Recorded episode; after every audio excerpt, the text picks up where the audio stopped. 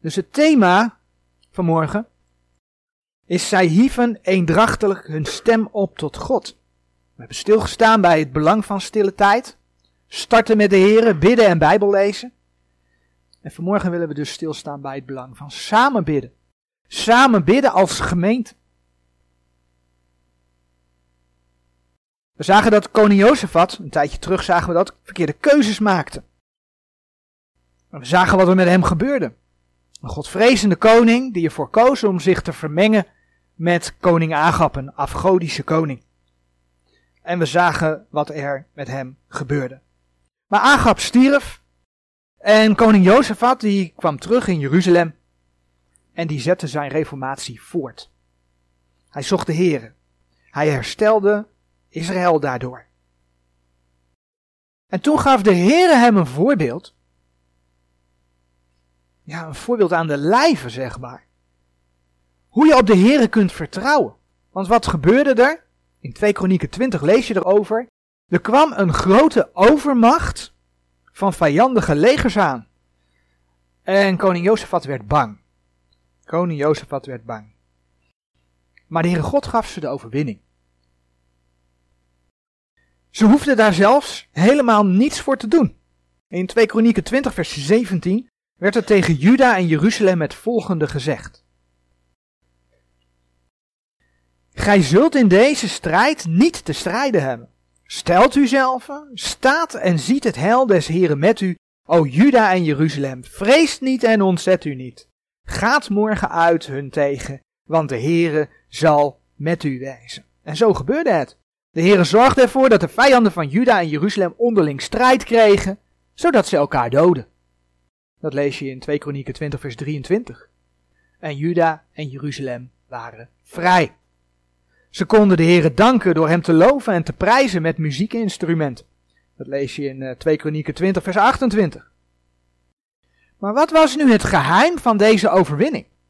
Het geheim was dat Jozefat Juda en Jeruzalem mobiliseerde tot gebed. Als je in 2 Kronieken 20 kijkt, vers 3 tot en met 6, daar lezen we. Jozefat nu vreesde en stelde zijn aangezicht om de Here te zoeken. En hij riep een vaste uit in gans Juda. En Juda werd vergaderd om van de Here hulp te zoeken.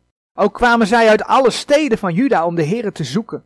En Jozefat stond in de gemeente van Juda en Jeruzalem, in het huis des Heren, voor het nieuwe voorhof. En hij zeide, O Heere, God onze vaderen, zijt gij niet die God in de hemel? Ja, gij zijt de heerser over alle koninkrijken der heidenen. En in uw hand is kracht en sterkte, zodat niemand zich tegen u stellen kan. We lezen in deze versen ook over vasten. Daar gaan we het vanmorgen niet over hebben. Maar wat we ook lezen in deze verse, is dat ze samenkwamen om samen te bidden. En dat deden ze in dit geval onder leiding van de koning. Bidden tot de Heere God. Hem loven en prijzen om wie hij is. En daarmee vertrouwen uitspreken in de Heere God. En de nood aan de Heere voorleggen.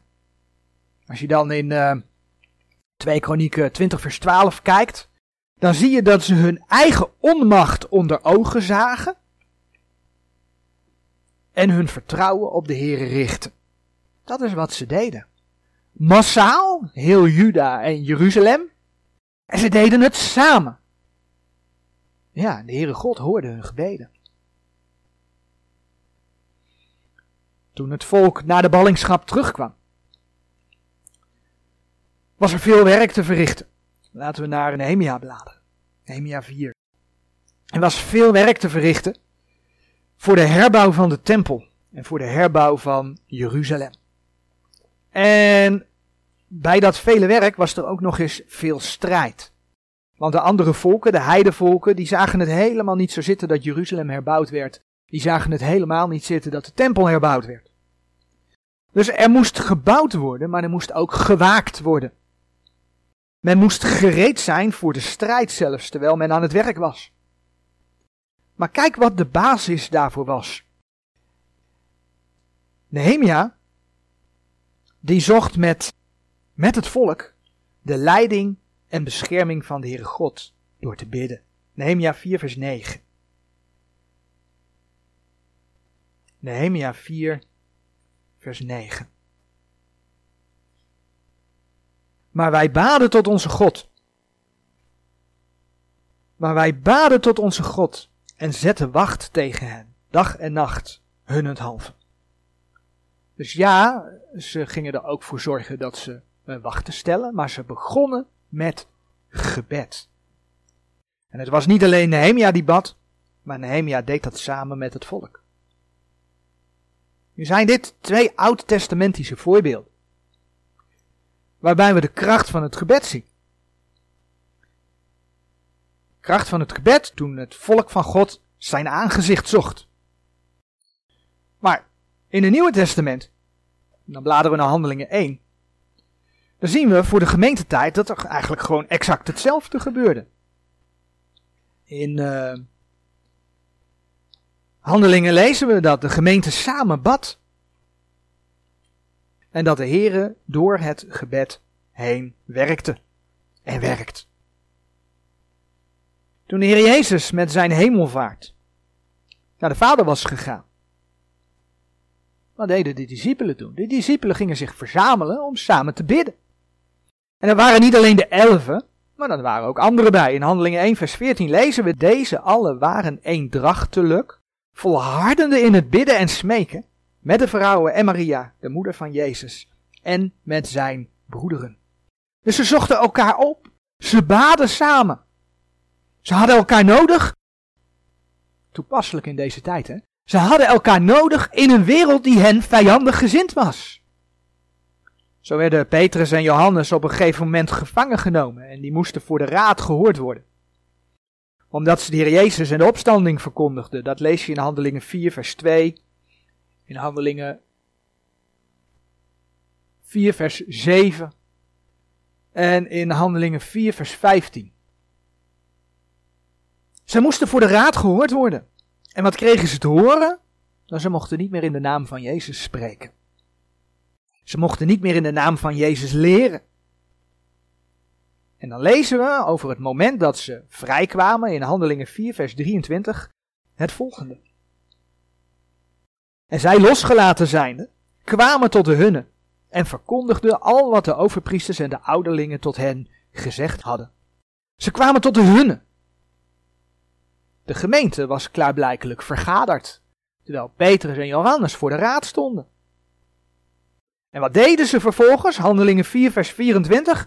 En als deze dat hoorden, hieven zij eendrachtelijk hun stem op tot God en zeiden, Heere, gij zijt de God die gemaakt hebt de hemel en de aarde en de zee en alle dingen die in dezelfde zijn. Zij hieven eendrachtelijk hun stem op tot God. Ze gingen samen bidden en loofden de Heer voor wie Hij is. En ze legden hun nood de Heer voor. En weet je wat het mooie is? Het mooie is dat ze niet eens zozeer voor hun bevrijding baden. Dat is waar wij ons meestal heel druk om maken. Maar ze baden niet eens zozeer voor hun bevrijding, maar wel om bescherming. In Handelingen 4, vers 29. Daar lezen we. En nu dan, heren, zie op hun dreigingen en geef uw dienstknechten met alle vrijmoedigheid uw woord te spreken. Eigenlijk zo van, ja heren, u ziet de moeilijkheden. Alsjeblieft, geef daar acht op, maar geef ons de kracht om door te gaan. Want de boodschap moest doorgang vinden. Wat we zien is dat de gemeente samen bad. Dat de gemeente eendrachtelijk bad. Dus buiten het feit dat de Heer in zijn woord laat zien dat de gemeente naast de eerste dag van de week blijkbaar ook door de week samenkwam om samen te bidden. Waarom zou je dat doen? Even los van het feit dat God het zo laat zien. Waarom zou je dat doen? Waarom zou je de bidstond bezoeken die wij bijvoorbeeld als gemeente één keer per twee weken hebben? Nou, we lazen zojuist in Handelingen 1 vers 14 en in Handelingen 4 vers 24 dat men eendrachtelijk bad. Dat men eendrachtelijk bad. Samen bidden maakt dus eendrachtelijk. Als je samen voor de gemeente bidt, Als je samen voor de verkondiging bidt. Als je bidt ook voor de geestelijke strijd die er is. Voor een geopende deur. Dan ondervind je dat je bezig bent met een gezamenlijke strijd. Zo zegt Romeinen 12 vers 15 dat we blij moeten zijn met de blijden, dat we wenen moeten met de wenenden. Door samen te komen en voor elkaar te bidden, maakt dat je ook vreugde en noden met elkaar deelt, zodat je voor elkaar kunt bidden. Maar ook doordat je hoort dat broeders en zusters voor je bidden, dat maakt eendrachtelijk.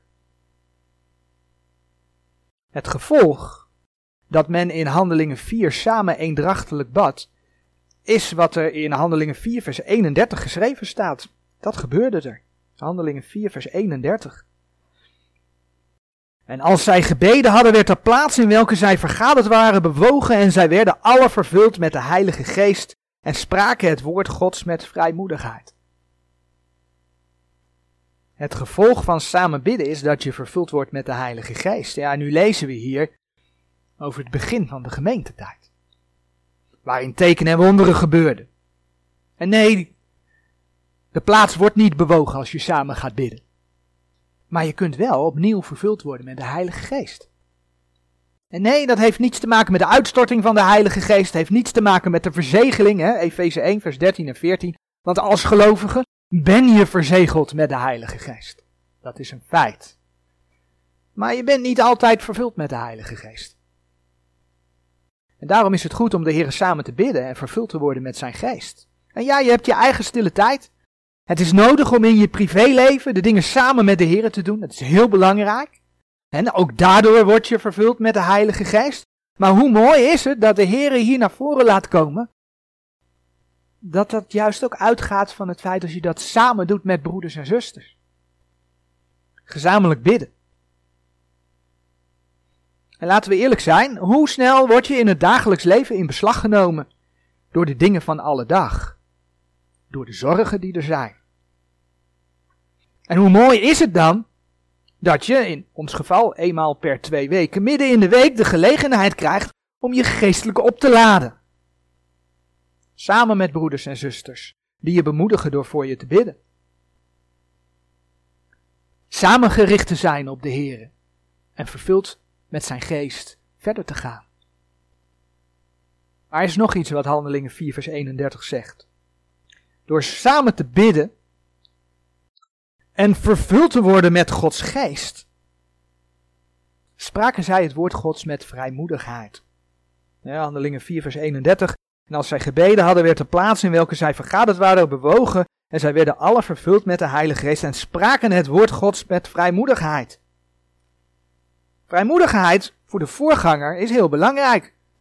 Als onderdeel van de wapenrusting vroeg Paulus bijvoorbeeld om gebed, maar ook gebed voor zichzelf. Kijk maar in Efeze 6.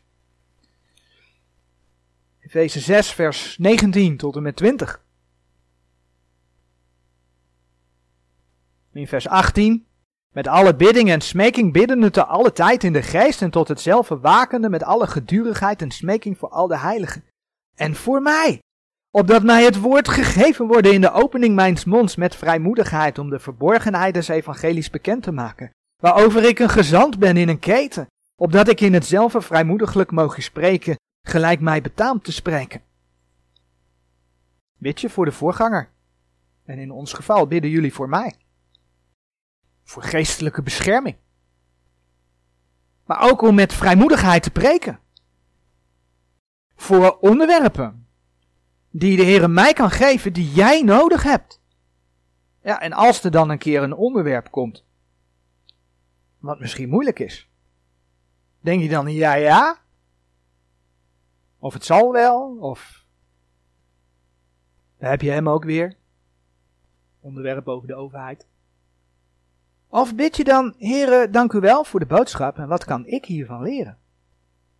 Bid zodat het woord vrijmoediglijk zijn loop mag hebben. En weet je, dat geldt niet alleen voor de voorganger. Er zijn ook straatpredikers, we gaan de straat op. Bid je daarvoor? En laten we wel zijn, we zijn allemaal gezanten van Christus. Bid je voor elkaar dat je een geopende deur mag hebben om het evangelie der genade God vrijmoediglijk uit te delen. Als gemeente mag je dat samen doen. Samen bidden, samen zingen, samen getuigen. En weet je, als je als gemeente niet bezig bent te bidden voor je eigen lusten. Ja, Heere God, uh, wilt u daar alstublieft voor zorgen dat ik in de zomer weer een mooie vakantiereis kan maken? Of voor die mooie supersnelle auto met die bijzondere rode kleur? Maar als je bidt voor het werk van de Heer. Nee, maar als je, dat, als je dus niet voor je eigen lusten bidt, hè, want er zegt de Bijbel dingen over. Maar als je dat doet voor het werk van de Heer. Dan moet je eens kijken hoe hij je gaat vervullen met zijn geest. Nou, in Handelingen 12. Ik noemde het al eerder, daar lees je dat Jacobus gedood werd. En in Handelingen 12 lees je dat Petrus gevangen genomen werd om ook gedood te worden. De gemeente had het helemaal niet zo makkelijk in die dagen. En kijk eens wat er gebeurde in Handelingen 12, vers 5. Petrus dan werd in de gevangenis bewaard, maar van de gemeente werd een gedurig gebed tot God voor hem gedaan. Petrus werd vervolgd vanwege zijn geloof in Jezus Christus en de gemeente bad voor hem. En dat deden ze samen. Hoe weten we dat? Nou, in dit schriftgedeelte lezen we dat Petrus vrijkwam. En toen hij vrijgekomen was, lezen we in Handelingen 12, vers 12 het volgende. En als hij alles overlegd had, ging hij naar het huis van Maria, de moeder van Johannes, die toegenaamd was Marcus, alwaar velen tezamen vergaderd en biddende waren. Dus Petrus was in nood en de gemeente kwam samen om voor hem te bidden. Nou, gaan velen ervan uit, als je diverse naslagwerken erop naslaat, dat men aan het bidden was dat Petrus vrij zou komen.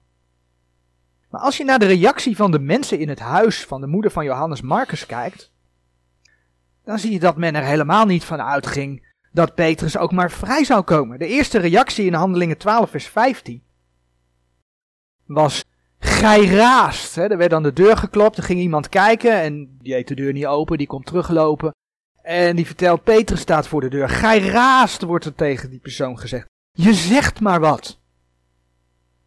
En vervolgens, hetzelfde vers. Het is zijn engel. En toen Petrus bleef kloppen en ze opendeden, toen was de reactie dat zij zich ontzetten. Dat lees je in vers 16. Ze waren er, ja, kort gezegd, ze waren er onthutst van. Ze waren stom verbaasd. Nou, het staat er niet met zoveel woorden. Maar als ze gebeden had dat Petrus bevrijd zou worden, dan hadden ze hem waarschijnlijk toch met gejuich naar binnen gehaald. Vanwege de gebedsverhoring die ze gehad hadden. Want daar waren ze nou juist voor aan het bidden. Naar alle waarschijnlijkheid heeft men gebeden en dat komt een beetje overeen met wat we in Handelingen 4 vers 29 gelezen hebben. Dat Petrus zou standhouden in de verdrukking. Petrus had namelijk eens onder druk de Here verlogend. Tot driemaal over toe. dat lees je in, in Matthäus 26 vers 75 onder andere. Men heeft gebeden net als in Handelingen 4 vers 29. Toen Petrus en Johannes bedreigd waren door de raad dat het woord van God vrijmoediglijk gesproken mocht worden. En wat gaf de Heer? De Heer gaf zelfs dat Petrus vrij kwam. En dan lees je in uh, Efeze 3, vers 20. We hebben vanmorgen de voorbeelden gezien dat het niet altijd zo werkt. Het is geen garantie dat als wij bidden dat iemand dan vrijkomt. Maar het is wel mooi om te zien dat de Heer in dit geval ja, een schepje bovenop doet. Efeze 3, vers 20. Hem nu die machtig is meer dan overvloediglijk te doen, boven al wat wij bidden of denken, naar de kracht die in ons werkt. Maar weet je of het nu om fysieke of om geestelijke bescherming gaat? Als gemeente, Efeze 3 vers 20 was dat, of het nu om fysieke of om geestelijke bescherming gaat, als gemeente mag je daar samen voor bidden en dat is wat ze daar in Handelingen 12 deden. Nou, we hebben het al gehad over de voortgang van het woord van God. En daarmee mag je ook naar de toekomst kijken. Wat is het fijn als het evangelie der genade Gods ook in de toekomst, als de Heer tijd nog geeft, door bijbelgetrouwe, bijbelgelovige broeders gebracht mag worden. Binnen de gemeente, maar ook naar buiten toe. Of zelfs naar gemeenten in andere plaatsen. In elk geval is dat laatste, voor hier, voor deze gemeente, dat is nog niet zo ver. We zijn een kleine gemeente. Maar de Heer kan geven. Het is niet voor niets dat ik afgelopen jaar mee begonnen ben. Om een jonge bijbelgelovige broeder, die dat graag wil, ervaring te laten opdoen met spreken in de gemeente. Zo zegt Matthäus 9, vers 37 en 38. Matthäus 9, vers 37 en 38. Dat Heer Jezus zei tegen zijn discipelen. De oogst is wel groot, maar de arbeiders zijn weinige. Bid dan de Heere des oogsters, dat hij arbeiders in zijn oogst uitstoot. Als je in Handelingen leest, Handelingen 13 bijvoorbeeld, vers 1 tot en met 3, dan zie je dat de gemeente daar ook voor bad. Dan zie je hoe belangrijk het is om samen te bidden. Als gemeente hebben we één keer per twee weken een bidstond.